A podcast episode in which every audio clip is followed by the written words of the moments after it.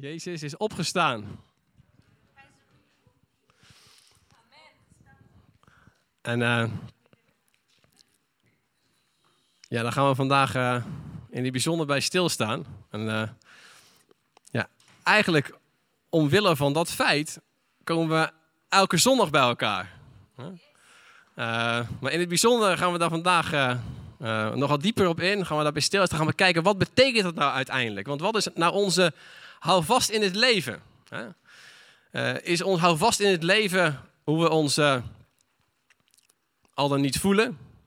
Is ons hou vast in ons leven hetgene wat we al dan niet presteren? Is ons hou vast in het leven hetgene wat we nog hopen te gaan bereiken of misschien nog niet bereikt hebben? Of is ons hou vast in het leven Iets wat veel dieper gaat. Iets waar we ons aan vast kunnen houden. Dat wat er ook gebeurt, dat je daarop terug kan grijpen. En dat je kan zien en ervaren van dit is waar ik mijn kracht uit haal. Dit is wie bepaalt wie ik ben. En uh, ja, daar gaan we vandaag uh, ja, bij stilstaan. En uh, ik denk als we naar Johannes 20 kijken, dan zien we eigenlijk een heel ja, een soort drama zien we ons zich afspelen waarin de, uh, de discipelen Jezus uh, gekruisigd zagen worden. Waarin ze zagen dat hij uiteindelijk begraven werd. En waarin denk ik een hele ja, periode van drie jaar, waar ze daar nog eens op teruggeblikt hebben, dat ze gedacht hebben van, wat gebeurt hier nou? Wat gebeurt hier nou? Um, is dit nou de Jezus die wij hebben gediend? We waren zo vol verwachting en al die verwachtingen kwamen uiteindelijk niet uit tot een zeker moment. En we gaan van lezen in Johannes 20, waarin we ja, daar iets van lezen. Vroeg op de eerste dag van de week, toen het nog donker was, kwam Maria uit Magdala bij het graf. Ze zag dat de steen van de openingen van het graf was weggehaald. Ze liep snel terug naar Simon Petrus en de andere leerling van wie Jezus veel hield, Johannes. En zei, ze hebben de Heer uit het graf weggehaald en weten niet waar ze hem nu neergelegd hebben. Dus er was geen enkele verwachting bij deze vrouw, er was geen enkele verwachting ook bij de discipelen van, ja natuurlijk, hier hebben we toch op gewacht. Jezus ging toch opstaan, Jezus ging toch laten zien dat hij het laatste woord heeft. Nee, helemaal niet. Deze vrouwen gingen terug en berichten uiteindelijk de discipelen. En dan lezen we, Petrus en de andere leerlingen gingen op weg naar het graf. Ze hebben het gehoord van, de, van die vrouw en zij hebben hun spullen gepakt en snel naar het graf toe om te kijken wat die vrouwen zeiden, of dat toch wel echt ja, klopte. En ze komen daar, ze liepen beide snel, maar de andere leerlingen renden vooruit. Het is heel, heel leuk om, dat, om die details een beetje te zien hoe Johannes dat dan schrijft. En Johannes schrijft over die andere leerling, dat was Petrus, die blijkbaar iets harder de pas erin had. Uh, ze liepen beide snel, maar de andere leerlingen renden vooruit, sneller dan Petrus. Oh nee, het is Johannes zelf. En kwam als eerste bij het graf. Hij boog zich voorover hm, en zag de linnen doeken liggen, maar hij ging niet naar binnen. dus Johannes komt eraan, hij ziet de linnen doeken liggen, waarin Jezus was gewikkeld, maar hij ging uiteindelijk niet naar binnen vol verbazing moet hij daar hebben gestaan. Die grote steen, waar eerst nog soldaten voor hadden gestaan om de wacht te houden, was weggerold. Hij kijkt daar bij het graf, er is niemand in die tuin verder. En hij ziet die doeken, ziet die liggen. En later kwam Simon Peters en hij ging het graf wel in. Ook hij zag de linnen doeken liggen. En dan en hij zag dat de doek die Jezus gezicht bedekt had, niet bij de andere doeken lag, maar apart opgerold op een andere plek. Het is een heel interessant detail. Want waarom zegt Johannes dat nou überhaupt? Is dat nou zo belangrijk? Inderdaad, dat is heel belangrijk. Want stel dat er nou rovers waren geweest of wie dan ook, die hadden de, de, de soldaten misschien uh, uh, vermoord en die steen weggedaan. Heel snel, snel, snel. Jezus uit die doeken gewikkeld. Jezus weggehaald. Snel in een hoek gegooid. Maar nee, die doeken lagen mooi opgevouwen in een, in een hoek. Lezen we. Toen ging ook de andere leerling die het eerste bij het graf gekomen was, Johannes, het graf in. Hij zag het en geloofde Want ze hadden uit de schrift nog niet begrepen dat hij uit de dood moest opstaan. De leerlingen gingen terug naar huis. Wat een verbazing dat deze discipelen, leerlingen van Jezus, op de dag van de opstanding gehad moeten hebben. Wat moet er door hun hoofd gegaan zijn? Van al die drie jaar dat ze bij Jezus waren geweest. Jezus had het gezegd, ik ben de opstanding, ik ben het leven. Ik zal de tempel in drie dagen weer opbouwen en Jezus sterft. Wordt gekruisigd, wordt begraven. En vol verbazing komen ze hier uiteindelijk bij het graf. En weten eigenlijk niet zo heel goed, wat, ja, wat is er nou gebeurd? Hè? Ze zouden misschien bijna teruggegaan zijn naar hun, hun oude beroep als vissers. Maar vanaf dat moment dat zij zagen dat Jezus opgestaan was, kreeg hun leven een totaal andere wending.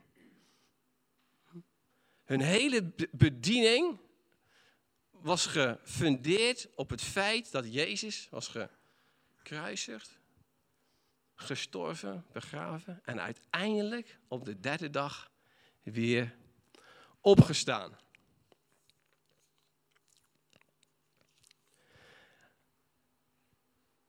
En dat lezen we ook als we uiteindelijk naar Korinthe toe gaan. Waarin Paulus in 1 Korinthe 15 het de gemeente zo graag wil uitleggen wat die opstanding nou uiteindelijk betekent. En dat is zo, ja, dat is zo mooi hoe hij dat zeg maar verder uitpakt. En, en dat wil ik ook graag deze ochtend met jullie doen. Om eigenlijk echt gewoon de Bijbel laten spreken. Want ik geloof dat het zo krachtig is dat als we uiteindelijk begrijpen wat de opstanding voor ons betekent. Dat zet jou zo in een enorme, geweldige positie van overwinning, waar je echt zo'n enorme houvast aan kan hebben en mag gaan ervaren, uh, wanneer we dat echt begrijpen. Dus we zien heel duidelijk in 1 Corinthië 15 dat het is niet het offer van Jezus en verder niks meer. Nee, het is het offer van Jezus en uiteindelijk zijn opstanding. En wat betekent die opstanding dan? Wat bevestigt überhaupt de opstanding van Jezus. Wat betekent dat nou praktisch gezien in het leven van jou en mij?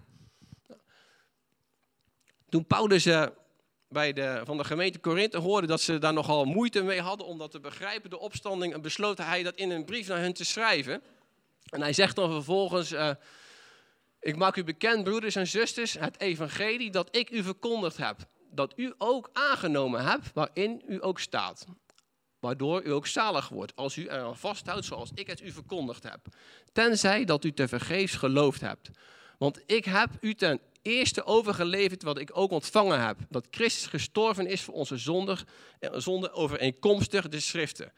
Dan zegt hij eigenlijk drie keer zometeen dat alles, het e-, hele evangelie wat hij heeft gepredikt aan de Korinthe, is gebaseerd op de schriften. Is gebaseerd op het Oude Testament wat de Joden hadden, wat ze leesden, wat ze van voor tot achter kenden. En dat is zijn argument. Hij zegt, Jezus is uiteindelijk gestorven voor de zonde van de mensen, overeenkomstig het woord van God. Dus God had het beloofd dat er een Messias zou komen, die zou sterven voor de zonde van de mensen. En Paulus zegt, dat is uiteindelijk ook gebeurd. Maar dan lezen we verder. En dan zegt, dan zegt hij dat hij ook begraven is. Dat hij opgewekt is op de derde dag overeenkomstig de schriften. Weet je, het is, het is heel mooi als we deze dingen zeg maar zien. Uh, sterven van Jezus, gestorven, begraven en opstanding. Voor ons is dat heel, uh, eigenlijk een hele uh, simpele drie punten. Als wij het evangelie aan andere mensen willen uitleggen, onthoud deze drie dingen. Dat Jezus kwam om voor onze zonde te sterven. En dat Jezus kwam uiteindelijk, dat hij is opgestaan. En uh, dan zien we daarna, zeg maar, dat uh, Paulus het blijkbaar heel belangrijk vindt. En ik denk dat het een heel mooi argument is, wat wij ook, uh, wat onszelf, zeg maar, kan, uh, ons geloof kan versterken, wanneer we misschien soms twijfelen. Dat Paulus die gaat nu bewijs aanvoeren dat Jezus is opgestaan.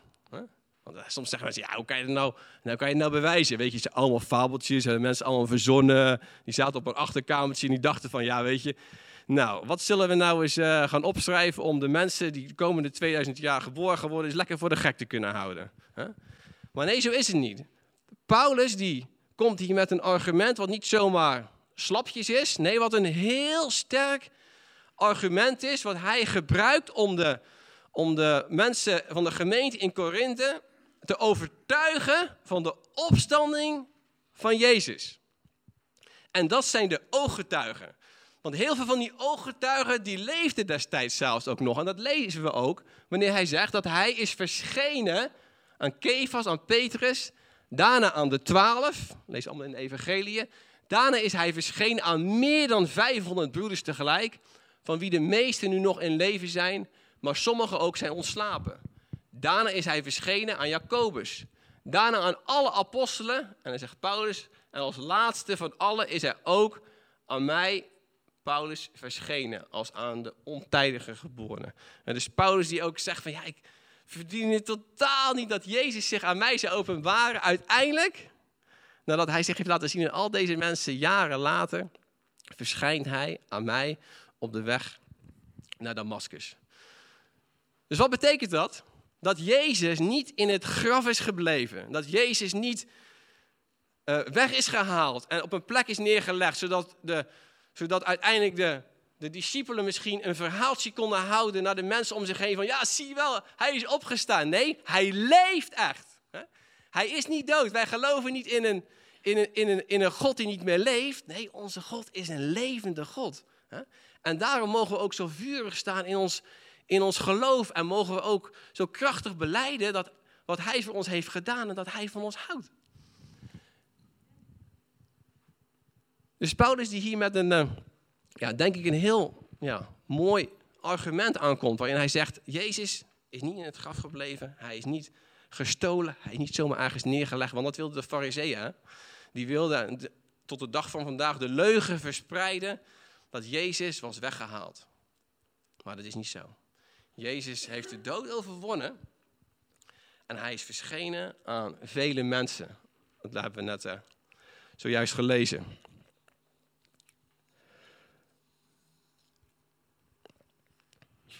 Maar wat betekent het dan? Gaat hij uiteindelijk zeggen, wat betekent het dan als je uiteindelijk wel de opstanding, als je zou zeggen, ja, het evangelie, de kruis, ja, weet je, daar kan ik nog wel mee. Dat zie ik nog soort van voor me. Ik kan me wel enigszins een beetje inbeelden. Ja, weet je, maar de opstanding? Nee, de opstanding, dat is echt. Ja, dat is toch echt wel een brug te ver. Hè? Als wij in de christenheid de opstanding weghalen, dan gaan we zo meteen lezen wat Paulus daarvan zegt. Dan is ons geloof dood en ons geloof is zonder enige inhoud. En dat gaat hij uitleggen aan de gemeente in Korinthe, waarin hij zegt, als nu van Christus gepredikt wordt dat hij uit de doden is opgewekt, hoe kunnen sommigen onder u dan zeggen dat er geen opstanding van de doden is? Maar mensen die heel veel moeite hadden met het feit om te geloven dat Jezus was opgestaan, maar ze geloofden ook niet, wat Paulus spreekt, in het feit dat ze zelf ook, wanneer ze zouden sterven en Jezus terug zou komen, op zouden staan en een verheerlijk lichaam zouden krijgen. Uiteindelijk zien we ook in de evangelie, wanneer Jezus tegen de fariseeën spreekt, maar ook tegen de Sadduceeën, is een bepaald moment waarin Jezus even triggert, zeg maar, eventjes het puntje aanstipt waarin hij weet dat, hij, dat, dat, waar zij het niet mee eens zijn. Want de Sadduceeën geloofden namelijk niet in een, in een opstanding. Dus ook in de gemeente in Korinthe waren er mensen die die leer aanhielden, maar ook allerlei filosofieën die zeiden van, ja, die opstanding, nee, dat is een brug te ver. En uiteindelijk waren er ook gelovigen die zeiden van, ja, ja, ja Paulus, hoe zit het nou uiteindelijk? Hè? Want, want hoe, hoe kan ik dat nou geloven? En dat ging hij dan uiteindelijk ook uitleggen. Maar hij zegt, als er geen opstanding van de doden is, dan is Christus ook niet opgewekt. Als wij sterven en wanneer Jezus terugkomt en niet worden opgewekt als mens zijnde, hm, en je gelooft daar niet in, zegt hij, ja, maar dan is Jezus als mens ook niet opgewekt. Dan is hij ook niet uit de dood opgestaan.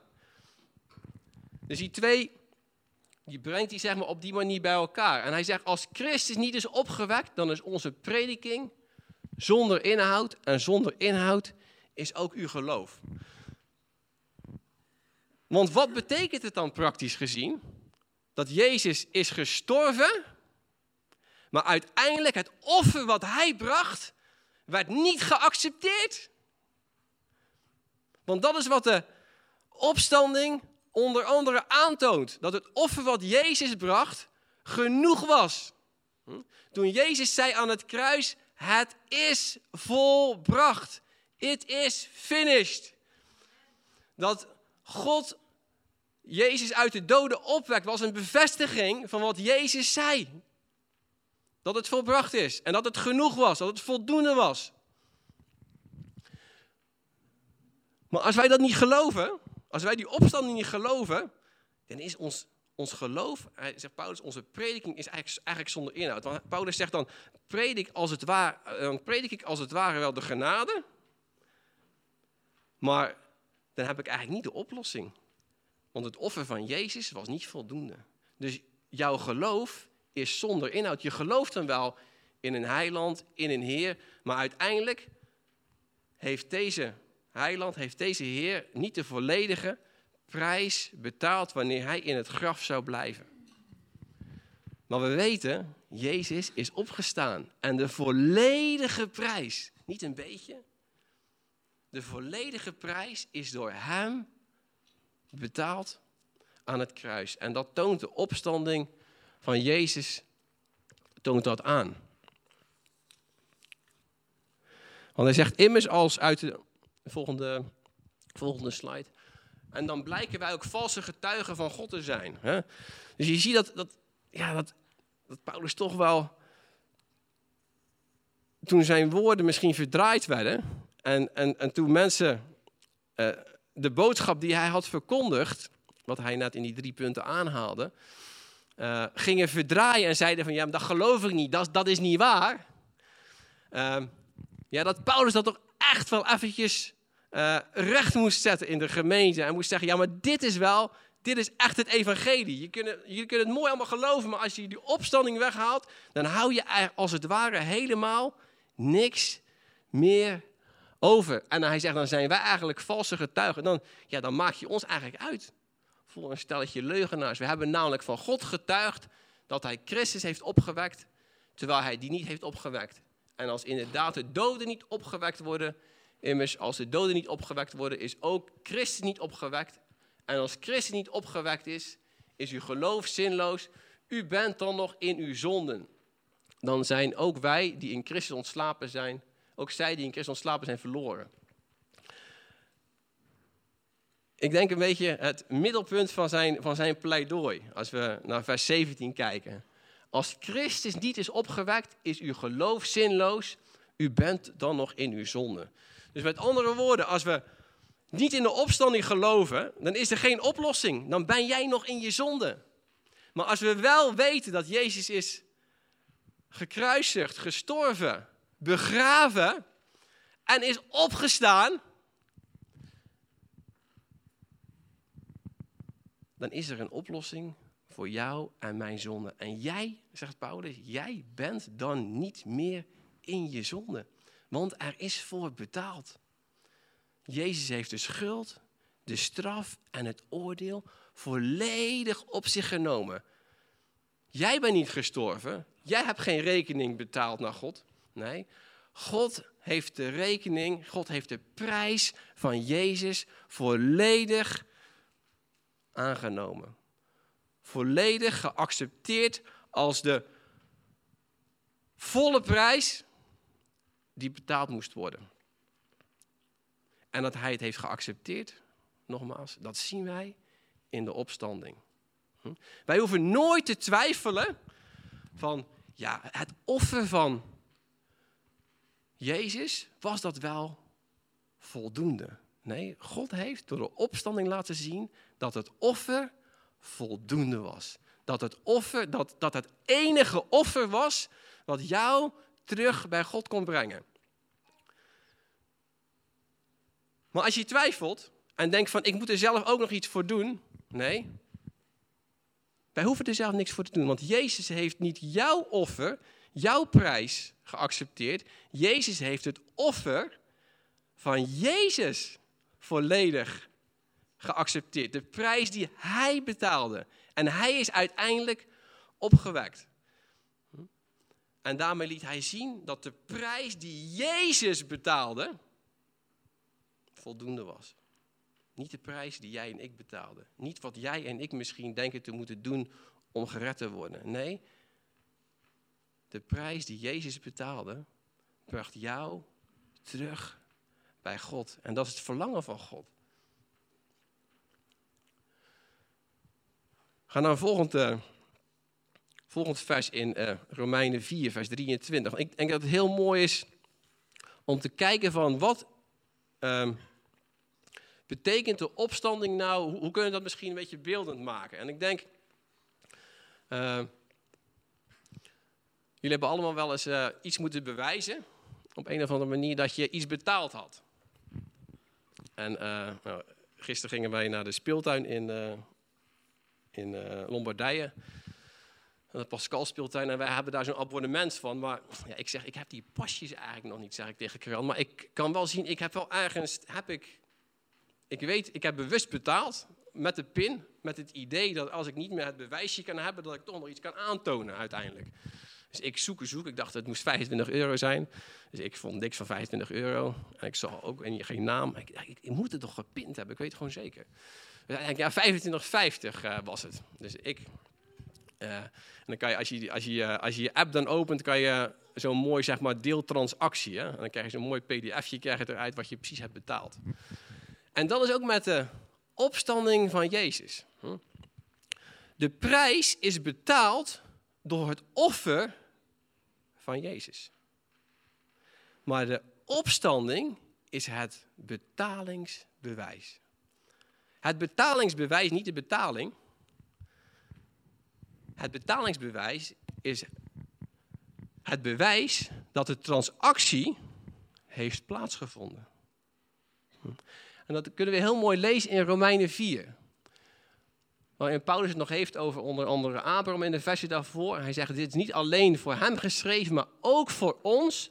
Want ook wij zullen als rechtvaardigen worden aangenomen, omdat we geloven in hem, die Jezus onze Heer uit de dood heeft opgewekt. Hij die werd prijsgegeven om onze zonde en werd opgewekt omwille van onze rechtvaardiging. De opstanding van Jezus bewijst dat jij en ik door het geloven in Hem rechtvaardig zijn geworden. Rechtvaardig zijn verklaard. Gered zijn. Dat is wat het bewijst. En als je je soms misschien aangevallen voelt en denkt van ja, doe ik het alweer. Ik zit zo in de put. Ik voel me zo, ja, ik voel me zo waardeloos. Ik, ik, ik, ik, ik red het nooit, ik kom hier niet overheen. Ik, uh, ik struggle hier en daarmee. Uh, houdt God nu nog wel van mij? Wat is hetgene waar we onszelf, maar ook de vijand dan mee mogen overtuigen? Hm? Wat laten wij dan zien? Het betalingsbewijs. En niet het betalingsbewijs dat jij hebt betaald, maar wat Jezus heeft gedaan. Dat Jezus is opgestaan, dat het offer wat hij heeft gebracht volledig is geaccepteerd. En dat jij in dat volmaakte offer, wat volledig is, is geaccepteerd door God, gelooft. En daar mag jij en ik, mogen wij ons aan vasthouden. En dat is zo, uh, ja, dat is zo mooi. Dat is ook zo enorm uh, krachtig voor, ons, uh, voor onszelf. Dat we altijd terug mogen gaan naar datgene wat God heeft gezegd. De dood heeft niet het laatste woord. Uiteindelijk heeft God laten zien door de opstanding van Jezus dat het offer volmaakt was. Dat het offer volledig was. En dat het offer volledig is geaccepteerd door Hem. Waar is Hij nu? Waar is Jezus nu? Hij zit aan de rechterhand van God. Als God het offer niet had geaccepteerd van Jezus, als Hij dus niet was opgestaan, waar had Hij dan geweest? Dan had Hij niet aan de rechterhand van God gezeten. Hij zit aan de rechterhand van God en daarmee bewijst God dat het offer, de prijs die hij heeft betaald, de prijs was die betaald moest worden. De schuld en de straf en het oordeel, wat wij hadden moeten krijgen, heeft hij door het offer wat hij heeft gegeven, heeft hij volledig, volledig, volledig betaald. En dat is wat Jezus heeft gedaan voor jou en mij. Maar het is ook een, de opstanding is ook een punt waar jij en ik hoop uit mogen putten. En kracht uit mogen krijgen. En dat lezen we onder andere in Petrus, waarin hij zegt: Geprezen zij God, zij de God en Vader van onze Heer Jezus Christus. In zijn grote barmhartigheid heeft hij ons opnieuw geboren doen worden. Door de opstanding van Jezus Christus uit de dood. Waardoor wij leven in hoop. Wij leven in hoop. Wij leven in verwachting. Wij geloven niet in, een, in iemand die niet meer leeft. Wij geloven in iemand die leeft. Er wacht u die door Gods kracht wordt beschermd, omdat u gelooft in de hemel, een onvergankelijke, ongerepte erfenis, die nooit verwelkt. Dus die erfenis die wij in ontvangst mogen nemen, die erfenis die wij zullen krijgen en waar we nu in het aardse leven uh, geestelijk gezien al, wat geestelijk gezien al een realiteit mag zijn, die erfenis, die beschermt God.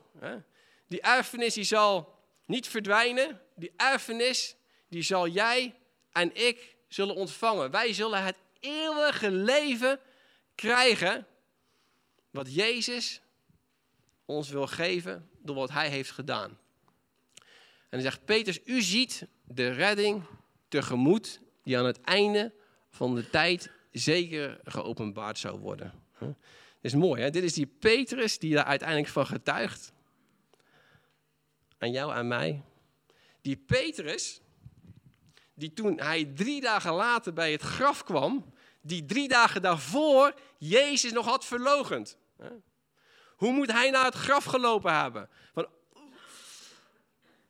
Nee, hij rende toch in volle verwachting van wat hij daar zou zien. En Jezus heeft hem uiteindelijk, toen hij aan Petrus verscheen, heeft hem ook bevestigd van datgene wat, ondanks datgene wat hij had gedaan, Petrus, daar ben ik ook voor gestorven. De straf heb ik daar ook voor gedragen voor jou. Heel persoonlijk. En ik zet jou weer terug in jouw positie. Ik zet jou terug in de bediening en jij mag mensen gaan vertellen van wat ik voor de wereld heb gedaan. En dit is die Petrus die uiteindelijk zegt, wanneer je gelooft in Jezus en dat Hij is opgestaan, dat Hij leeft, dan heb je een levende, heb je een levende hoop. Dan weet je dat wanneer jij sterft en Jezus zal terugkomen om zijn gemeente te halen, dat je zal opstaan, een verheerlijk lichaam zal krijgen en bij God in de hemel zal zijn. En daar, dat we daar Jezus zullen zien. Een beetje samengevat. Wat zegt de opstanding voor jou en mij? Stel nu dat het evangelie zou gestopt zijn bij Goede Vrijdag. Dan zouden de discipelen, die uiteindelijk op de eerste dag van de week op zondag bij het graf kwamen. En uiteindelijk vanaf dat moment dat iedere zondag vierde, dan zouden ze misschien nooit bij elkaar zijn gekomen. Zouden ze vissers zijn geworden en zouden ze misschien weer hebben gewacht op ja, toch de echte Messias die nog zou komen. Maar nee, uiteindelijk kwamen ze iedere zondag bij elkaar en braken het brood, dronken de wijn en dachten aan wat Jezus had gedaan. En waarom kwamen ze op die zondag bij elkaar? Omdat Jezus op die zondag was opgestaan. En dat wilden zij samen met elkaar. En nu samen wij ook als gemeente, maar ook later zij in de gemeente, ook hier in Korinthe. Gingen ze samen ja, beleiden, gingen ze samen overdenken. Daar, met dat voedsel gingen ze zich voeden. En daar gingen ze van horen. Jij en ik hebben een levende God. Hm? Dat is wat de opstanding aan jou en mij laat zien. Wij kennen geen God die dood is. Wij kennen een levende God die is gestorven, maar die is opgewekt en is opgestaan door de kracht van God. En omdat hij is opgestaan, kan Jezus voor jou en mij pleiten. En Jezus pleit niet voor jou en mij op een manier van, God wilt u toch de zonde van deze persoon als het ware ja, vergeven voor wat ik heb gedaan. Nee, dat is al op het moment dat wij tot geloof komen, is al volledig gebeurd. Maar Jezus pleit voor jou en mij, voor de hulp die wij nodig hebben. Dat zegt de Hebreeënbrief ook. Ga naar de troon van genade, zodat je hulp krijgt op het moment, op het ogenblik dat het nodig is. Dus kan je je voorstellen dat Jezus in de hemel zit. Hij zit aan de rechterhand van God.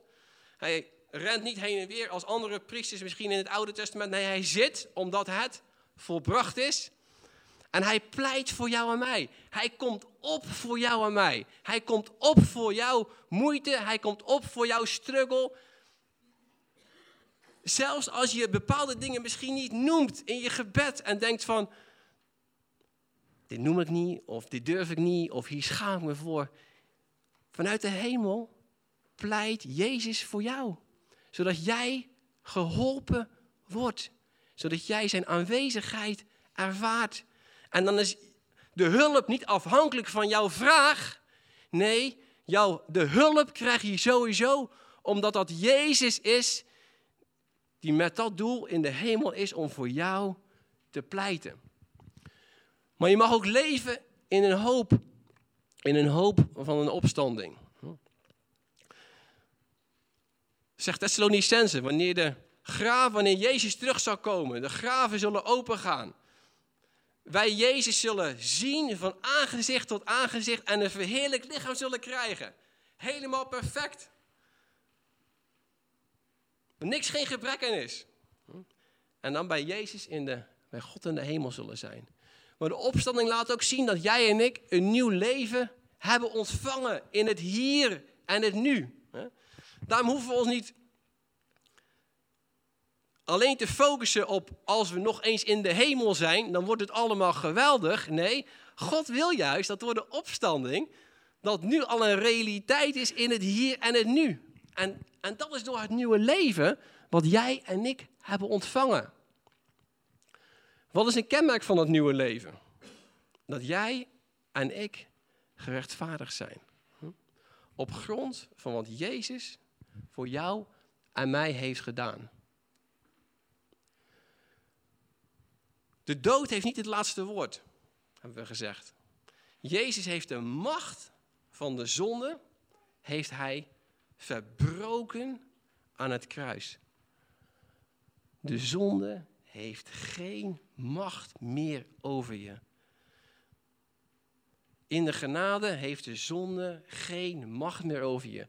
Als de zonde wel macht over je heeft, dat is op het moment wanneer we ons stellen onder de wet. Maar in de genade, door hetgeen wat Jezus heeft gedaan, heeft de zonde geen macht meer over je. En het geloof is niet een onzekerheid. Het geloof is een zekerheid, is een zeker weten dat het offer van Jezus voldoende was. En dat God dat heeft bewezen door Jezus uit de dood op te wekken. Dat Jezus zei, het is volbracht. En dat God hem uit de doden opwekte. En daarmee bevestigde wat Jezus uiteindelijk zei. Amen.